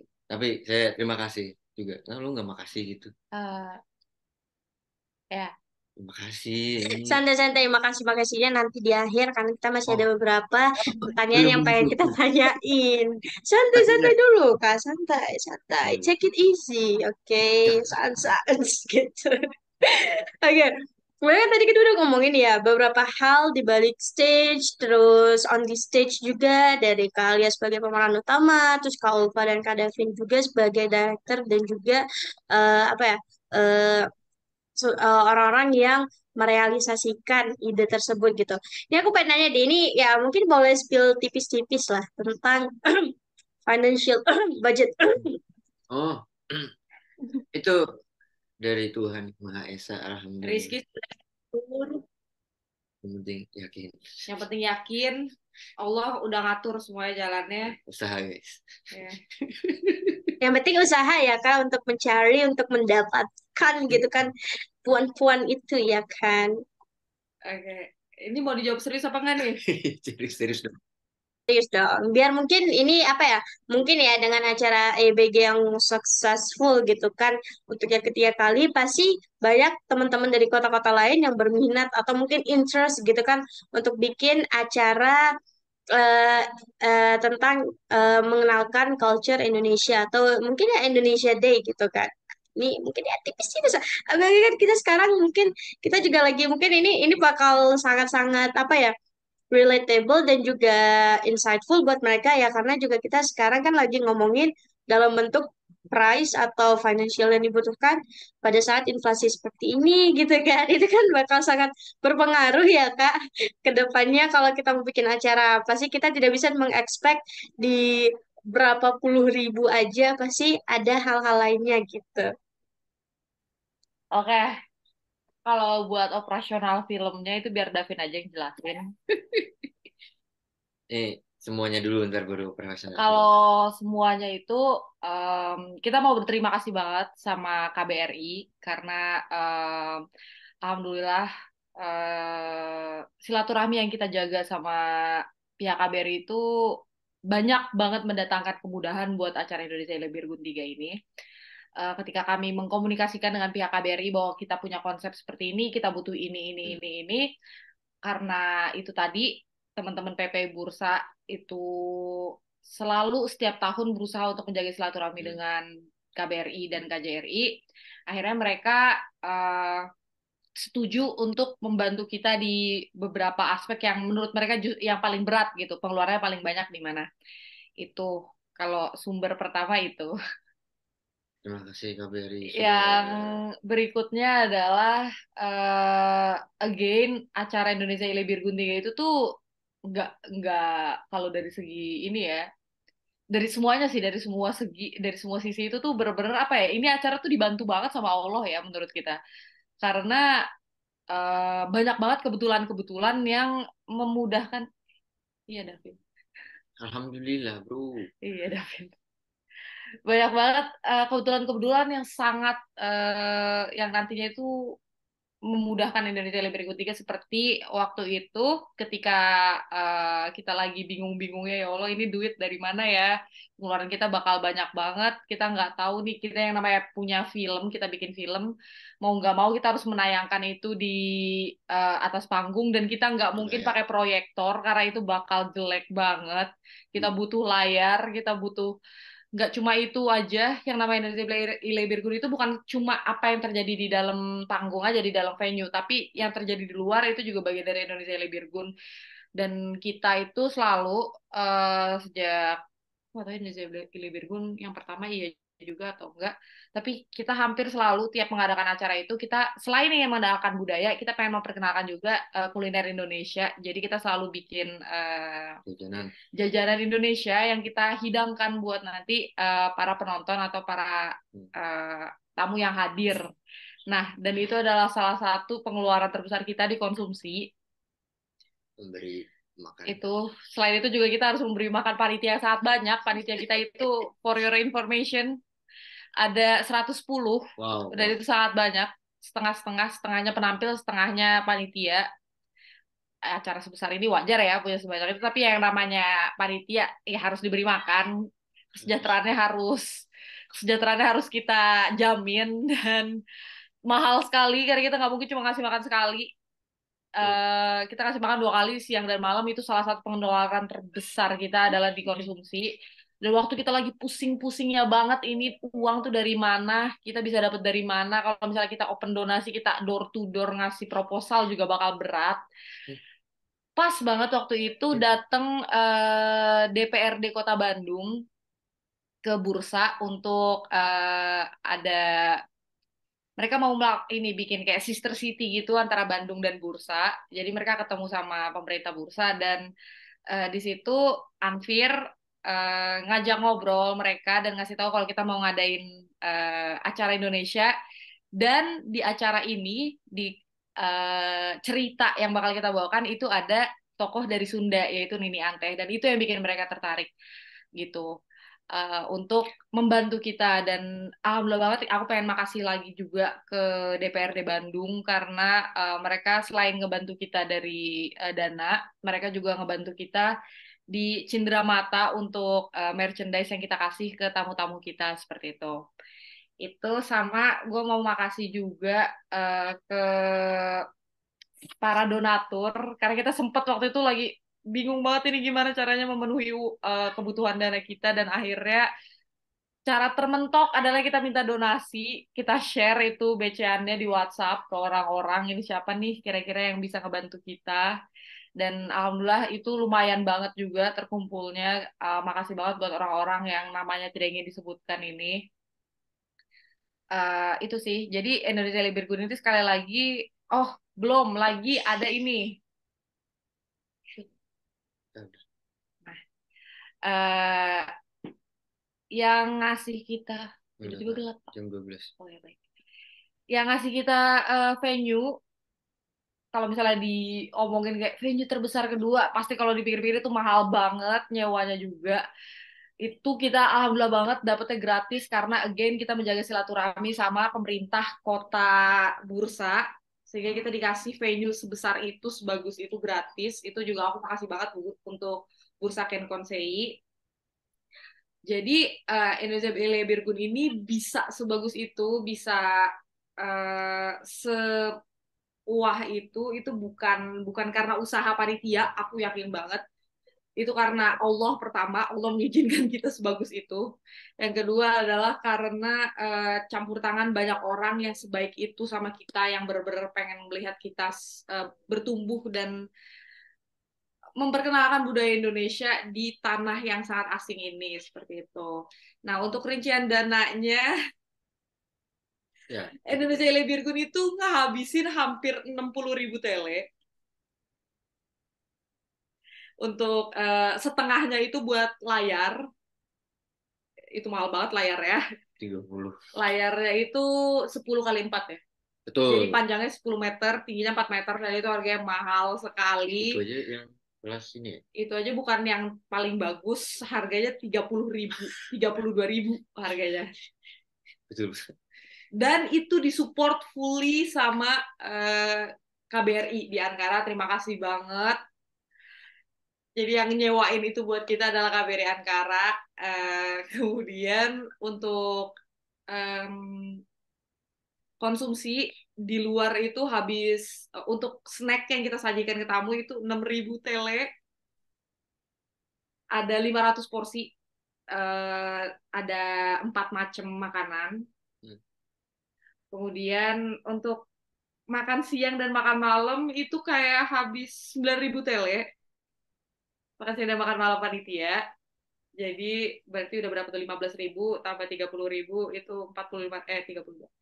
Berarti 47 tele 47 ribu tele nih udah udah gitu sisanya adalah uh, teman-teman logistik, teman-teman artistik yang bikin instalasi seni di luar itu uh, juga di cover sama kita pasti itu dari uang yang di dari donasi dan uang dari Bank BJB. Jadi itu kita eh dari DPRD Bandung seperti itu. Jadi itu kita sekali lagi makasih sama mereka dan untuk operasional film silakan David. Soalnya untuk film eh, tidak begitu banyak kali. Eh. Soalnya kalau film tuh kita uh, ini dengan budget yang terbatas itu kalau misalnya nanti kalian lihat filmnya yaitu dengan apa segitu gitu sebenarnya kalau misal dengan idealis saya itu pengen banget tuh nambahin lagi satu elemen pencahayaan ketika kita Oke. berantem ya eh maksudnya Alia berantem tuh di scene berantem itu kan sangat kejar tayang tuh udah kayak bikin Iya. FTV lah Susahnya syuting kalau outdoor itu Outdoor adalah adalah pencahayaan kita itu cuma matahari. matahari dan itu berarti harus range namanya kita bener-bener tuh sehari jangan sampai nunggu uh, matahari itu tenggelam terus kita juga pengen dapat sunsetnya tapi juga banyak beberapa yang retake jadi akhirnya ada beberapa part Iya. yang kita kekurangan cahaya sebenarnya itu pengen tuh cuman itu juga sudah mahal tanpa lighting sebenarnya Jadi, jadi pencewaan Untuk syuting itu, oh ini lupa Sewa. disebut. Hmm. Jadi ada ada salah satu yayasan di bursa, Iya. kayaknya ada juga di tempat lain. ada ada Namanya IPEC Yolu, makasih banget. Operasional syuting kita itu semuanya uangnya ke cover dari mereka. Again, mereka bisa ngebantu kita sebegitunya itu karena kita menjaga silaturahmi sama mereka. Mereka eh, nutup waktu itu kita habis kayak 2000 sekian ya Yoi, untuk 2000 buat film tuh sebenarnya sewa sewa gimbal. Ya. ah, Jadi untuk syuting kita kita butuh stabilizer. Stabilizer itu itu sama ada make upnya, Ah. terus kayak properti-properti yang harus dibikin itu Betul. semuanya habis kayak 2000 sekian. betul sekali dari senjata terus apa lagi ya waktu itu bikin Ya, di kendi harus cat cat juga gitu apa Iya. cat cat oh ya Cat. cat Cat. ya, ya pokoknya Cat. untuk make special effect dan lain sebagainya itu juga memakan dana yang cukup tuh banyak. Jadi untuk pembuatan film kita habis kayak 2000 sekian. Nih, sebenarnya tuh budget minim ya Ini ini sebenarnya ya. untuk film ya dengan harga ya harga lagi dengan budget 2000 nanti kalian bisa lihat filmnya di YouTube Ya dan eh, mungkin buat teman-teman yang pengen bikin film juga untuk Hari Budayanya, jangan lupa bahwa eh, artis dan kru itu juga butuh konsumsi saat hari syuting. Jadi jangan dibiarkan ya mereka. Ini, ini jadi eh 2000 kita minjem buat stabilizer itu kayak 1000 telean. sisanya buat ini Sisanya itu buat operasional waktu syuting. Operasional syuting itu 1000 tele dan emang semahal itu ternyata syuting. Itu syuting kita lima hari iya di rata-rata aja 200 tele sehari berarti itu buat konsumsi, buat em, operasional kita bolak-balik ini itu itu semuanya habis 1000 tele seperti itu.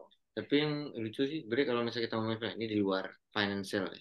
Eh, fun fact juga, kita satu karakter itu kita syuting cuma satu hari. Ya. Dan itu Hmm.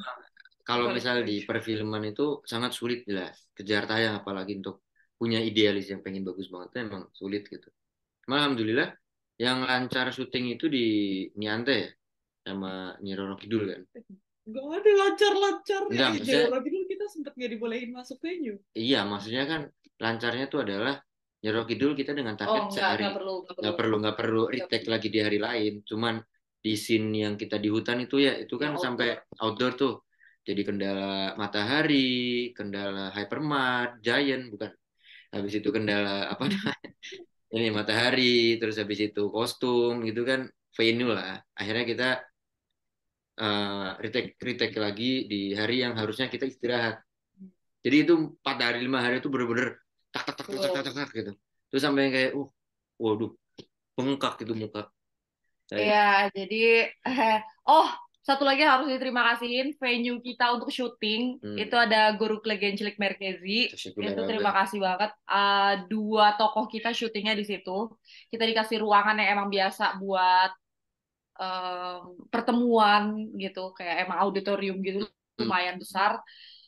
Dan biasanya tuh nggak diperbolehkan di situ kalau misalnya acara yang nggak jelas, tapi kita dikasih untuk syuting betul, doang. Itu makasih banget buat mereka juga. Jadi again, EIBG ini acara sebesar ini tidak akan bisa terlaksana tanpa silaturahmi yang kita jaga ke orang-orang dan instansi-instansi yang eh, strategis kayak gitu. Jadi saran buat teman-teman selalu jaga silaturahminya, jangan em, sombong sama mereka, betul. pergi ke sana cuma kalau ada butuhnya. Ah, jangan itu jangan Itu jangan banget. jangan Jadi kayak mulailah kita menjalin nih eh, teman-teman Indonesia jangan berhubungan sama KBRI atau KJRI aja atau sama teman-teman PPI aja, tapi mulai kita eh, membuka hubungan dengan eh, orang-orang dari instansi-instansi di Turki. Itu akan sangat membantu banget acara-acara sebesar ini. sebagai diaspora kita membantu Eh, Eh, bahasanya. betul dong kan kita diaspora Eh, iya makanya mahasiswa kan Tiba-tiba HI. ya emang iya enggak emang kayak gitu gue bukan so HI hai Wah, itu itu sangat apa ya?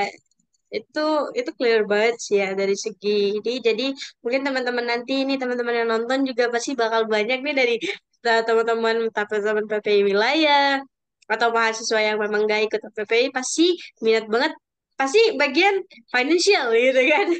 Karena paling penting nih kan ini berarti mereka ada semacam ekspektasi eh, harga range biaya yang akan di- dikeluarkan dan berapa banyak juga biaya yang apa ya mungkin ya tadi yang seperti Ulfa bilang eh, sesuatu yang mungkin di luar dari expected itu pasti harus disiapkan lah untuk budgetnya tersendiri. Karena kita nggak tahu entah mungkin ada sesuatu mungkin accident nah itu juga mungkin bisa membantu dari budget yang di samping itu gitu kan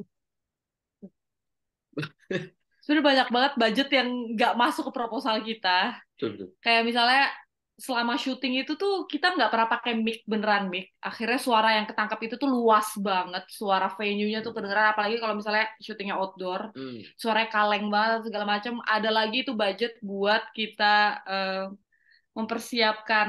Akhirnya kita banyak banget eh, yang dubbing harus didubbing karena emang suaranya ini banget. Itu juga aku ngeluarin lumayan banyak. Ini buat teman-teman aja. Eh, Mungkin teman-teman yang nonton nanti mau bikin juga. Aku buka jasa persewaan alat-alat rekaman ya untuk suara. Karena mahal banget itu semuanya. Aku habis kayak hampir sepuluh ribu untuk dubbing doang. Karena biar clear suaranya. Itu uh, setup-nya semuanya itu kira-kira kayak sepuluh ribuan. Kalau misalkan ini aku nggak menyarankan kalian untuk membeli karena memang mahal. Aku menyarankan kalian untuk pinjam ke aku. Ya. baiklah Penyewaan. baiklah Eh, tapi emang benar sih tadi yang saya sebut itu bahwa sebenarnya sih video yang udah bagus, tapi kalau misalnya take voice-nya atau voice yang didapat itu banyak noise-nya, itu a waste banget karena akhirnya video yang ditampilkan menjadi kurang gitu kan. Eh, berarti ini mm, Ulfa selain eh, ada jasa eh, brainstorming ide eh, untuk event kreatif, event seni, sepertinya juga menyewakan jasa ya, gitu. Peminjaman, iya ada juga Benar peminjaman peminjaman. kostum karena 70% kostum yang terima kasih Davin. Lupa, terima kasih. 70% kostum yang kalian lihat di hari H yang dipakai oleh penari itu aku yang bikin. Jadi saya buka jasa penyewaan kostum juga. Teman-teman semuanya langsung hubungi saya. Desain Wah. dulu, desain.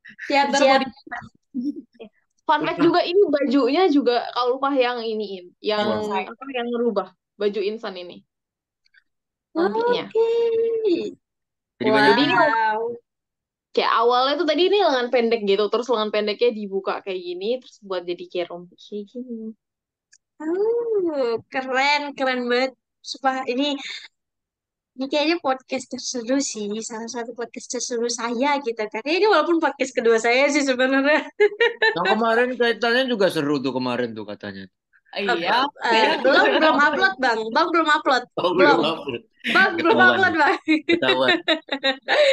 Aduh, tapi nggak sih ini ini kenapa ya? Mungkin ini eh, banyak dari hal yang udah kita bicarakan selama ini itu pasti membuka ide, membuka ruang juga buat membuka jalan ya buat teman-teman terpikirkan mungkin oh ketika mungkin mereka juga mau bikin eh, Indonesia Lebergun tapi di kota mereka sendiri gitu kan. Mungkin saya sebagai dari yang Istanbul eh bisa disebut saya mau tapi saya kurang relate ya. Tapi mungkin dari Rashid nih yang di Kutahya pasti teman-teman Kutahya itu sangat berminat karena eh, ya aku tahu ya bahwa Kutahya itu sangat mengikuti tren-tren yang ada dari PP, eh, PPI eh, setiap PPI wilayah gitu dan pastinya juga mereka merasa bahwa eh, harus apa ya mereka pasti eh, udah mulai ingin menjadi highlight juga gitu. Tapi ini jujur keren sih selama be- eh, topik pembicaraan kita, hal-hal yang udah dijelasin Kak Alfa dan Kak Davin juga, dan juga Kak Alia pastinya it's all very amazing. Dan nggak sadar nih ya, kita udah di ujung acara guys. Masih betah Ya. Ya, tadi soalnya cuma satu berarti. Iya, tadi soalnya cuma satu. Tapi kan tadi eh, dari Alfa sendiri udah menambah-nambahkan gitu soal pertanyaan-pertanyaan sebenarnya ingin saya tanyakan lagi gitu. Itu Oh, bagus tuh. lagi Jadi. Iya, ya udah udah mulai teknis ininya nih. Seru loh. Mm-mm. Ya, mas seru sih. Ini, ini seru banget. Karena apa ya? Ya, momen-momen EIBG aja tuh udah seru banget. Ini kita ngobrolin lagi tentang momen itu di mana kalian pada saat itu tuh merasa bahwa gila gue keren banget sih ini hasil gue dan teman-teman gue gitu kan. So, itu pasti memorable banget sih. Tapi mungkin boleh, boleh, buat apa? Apa tuh Kak? boleh main ini nggak sih? Boleh. Eh, Kak Alfa sama Bang Davin udah denger belum? Jadi tuh waktu pas kemarin selesai tampil kan aku sempet ngobrol sebentar kan sama Pak Dubes. Terus Pak Dubes tuh bilang katanya eh, Pak Dubes tuh kayak emang udah ada harapan buat bikin acara kayak gini. Tapi katanya acara ini tuh lebih dari ekspektasinya Pak Dubes gitu. Dengar, dengar, udah dengar. Eh, iya. Wow. Applause, applause. Takbir. Allahu Akbar. Allahu Akbar. Allah Akbar. Tuh kan? Jadi emang benar sih. Emang tapi jujur ya, aku bangga banget sama teman-teman di sini. Eh, Kak Davin, Kak Ulfa, dan juga Kak yang sekarang lagi sedang ngobrol sama aku. Tapi juga teman-teman lainnya ya yang di balik layar, yang atau di atas eh, di stage juga on stage. I definitely feel proud of you guys karena kalian ini eh, adalah anak-anak muda yang tidak hanya bertalenta, tapi juga kalian benar-benar ingin menunjukkan bahwa ini loh Indonesia, ini loh yang ada gitu dari kita gitu. Ini loh karya-karya anak bangsa yang eh yang mungkin ya, let's say, oke mungkin memang kayak hal-hal eh, event tentang culture itu mungkin di Indonesia juga banyak, tapi ini kita sedang membicarakan yang di luar negeri, yang di mana seperti yang tadi Kalfa bilang bahwa resource kalian itu terbatas, yang di mana uh, lebih banyak resource yang kayak minjam atau tiba-tiba harus beli gitu kan karena mau tidak mau gitu tidak ada tempat penyewaan tidak ada tempat peminjaman gitu kan. Jadi emang benar sih di sini juga mungkin Kak Davin Kak uh, Ulfa dan kalian juga jadi lebih belajar banyak lagi. Yang di mana akhirnya ini menjadi sebuah apa ya hal-hal yang udah kalian lewatin nih selama uh, behind uh, the event gitu kan. Itu adalah sesuatu yang insya Allah di event ke depannya itu udah nih kalian udah lebih well prepared dan juga ya tadi hal-hal unexpected eh, budget-budget yang seharusnya ada tapi tidak tertulis akhirnya udah tahu nih apa-apa aja nih yang bakal eh, dibutuhkan gitu kan ke depannya jadi ya mungkin mungkin dari enam puluh ribu bisa seratus ribu gitu kan. Gitu kan. Tapi yang penting udah prepare, udah well prepare yang yang udah ada, udah siap dan sisanya itu ya time by time masih bisa dicicil lah gitu. Untuk jadi hak milik gitu kan guys. Apalagi ini berarti kalau misalnya jasa peminjaman baju eh, em, seperti saya berminat sih nanti. Boleh lah ya. Pinjem aja orangnya sekalian buat ini. Aduh. Oh, gimana Rashid? Rashid ada sesuatu yang ingin diomongkan mungkin atau disampaikan gitu ke senior-senior kita ini. Eh, mungkin nggak ada ya. Eh, ya udah karena udah terlalu udah keren lah gitu. Termasuk ya yang tadi udah apa namanya saya bilang gitu lah. Dengan hasil AIBG yang ketiga ini udah kayak mewakilkan eh, apa namanya membuat bangga serta eh, memicu orang-orang lain atau apa namanya kota-kota lain untuk membuat eh, acara yang seperti ini gitu kultur tradisional itu dan mungkin juga kalau misalnya ingin membahas teknis dan lebih dalam lebih dalam lagi mungkin gak di forum ini gitu mungkin lebih intens lagi bersama Kak Ulfa dan Kak Davin Eh, kalian semua diundang ke Safari Kopi kalau ngomongin ini. Safari Kopi di Bursa. Safari kopi eh, bukan kopi. Aneh banget gua ngomong. Udahlah gitu aja. Oke, oke, oke. Thank you banget, Rashid. Juga thank you Kak, Da- eh, Kak Davin, Kak Ulfa, dan kalian. Eh, mungkin Kak Ulfa dan Kak Davin ada, dan juga kalian mungkin ada pesan yang ingin disampaikan. Mungkin buat teman-teman yang menonton, teman-teman yang mendengarkan podcast kita, mungkin motivasi gitu. Mana nih? Motivasi apa dulu nih? Sekolah atau Nggak dong. Kita kan, kita kan sedang membicarakan event besar. Iya. Coba Ulfa. kalau dari aku sih jangan takut punya ide seliar apa pun karena eh, di saat kalian yakin banget sama ide kalian, pasti ada aja jalannya itu gimana bisa diwujudkannya. Aku Betul. dulu juga nggak tahu itu gimana bikin film, gimana bikin acara sebesar ini tuh bisa terwujud kayak gimana, tapi ternyata hasilnya sangat memuaskan. Yang penting kalian yakin dulu, kalian bener-bener berpegang teguh, jangan ragu di tengah jalan, dan usahain sebisa kalian. Jadi jangan takut jadi beda. Kalian kalian boleh punya ide seaneh apa pun buat acara budaya kalian. Yang penting itu tadi yakin dan tetap memegang nilai-nilai kayak oh gue tuh mau melakukan ini buat buat emang buat Indonesia juga. Kalau Davin? Kalau gue ini sih eh, tadi setelah kita punya mimpi ya untuk merealisasikan merealisasikannya adalah kita juga harus bisa paham nih eh, ketika kita ngambil sumber daya manusia itu teman-teman itu adalah bisa dibonding supaya dengan bisa dengan visi yang sama itu sih yang bikin jadi sukses. Terus sama paling terakhir juga eh, ketika kita menampilkan itu jangan eh, kita bisa ngasih ke teman-teman perform itu adalah di sini kita lebih menampilkan untuk bahasanya apa ya? Kalau bahasa dari gue sih memuaskan penonton ya. Maksudnya oke lah kita punya egois juga pengen uh, menampilkan tapi kita lebih pentingkan adalah mempleasure anjay bahasa Inggris bro. Bikin orang-orang juga lebih pleasure lah sama apa yang kita kasih gitu sih Iya. lewat feel itu aja sih jadi teman-teman yang mau bikin jadi perhatikan Iya. juga itu Perhatiin penontonnya. Ini Betul. bukan cuma tentang kalian mau nampil, Ah. ini tentang bagaimana orang menganggap kita dan melihat Betul. kita seperti apa. betul menangkapnya kita itu yang paling penting sih itu juga yang Ya. nonton. Kalau kalian gimana nih sebagai aktor gitu, pemeran utama gitu. Mungkin ada motivasi atau encouragement buat eh, teman-teman yang mungkin mereka merasa mereka ada talent untuk berakting tapi mungkin mereka masih malu atau takut gitu. Mungkin lebih te- lebih tepatnya sih mungkin takut dijudge ya seperti itu. Mungkin ada nggak sih kak kalian gitu motivasi gitu, dorongan gitu buat teman-teman ini? eh kayak akhirnya jangan membatasi diri sih. Sama kayak tadi misalnya nyambung dari yang apa ya Kalfa bilang tentang ide, terus kemudian sama yang Bang, Bang Davin omongin gimana akhirnya kita convey apa yang kita pengen sampaikan ke penonton gitu. Tapi di situ kita harus percaya sama diri kita sendiri dulu gitu. Kalau misalnya kita tuh bisa gitu. Emang pasti di awal tuh pasti mikir, ya ampun bahasa Turki aku belum bagus banget ya ampun eh, apa ya acting aku tuh belum bagus banget gitu. Aku tuh masih masih kurang banget. Tapi kalau misalnya kita usaha, kalau misalnya kita percaya kita bisa, insya Allah kita Allah bakal bantu. Apalagi maksudnya kita punya teman-teman, punya lingkungan yang juga berpikiran sama, yang saling nguatin satu sama lain, insya Allah bisa. Nothing's impossible. Iya, betul. Nothing is impossible. Wow. Thank you so much, kalian. Thank you, Kak Davin. Thank you, Kak Ulfa. Makasih juga, Rashid. Hari ini udah nemenin aku jadi host. Thank you semuanya. Ini kita udah Ya. menyelesaikan podcast kita hari ini.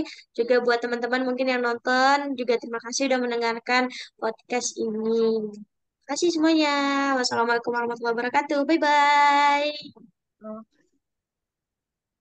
si Terima kasih juga.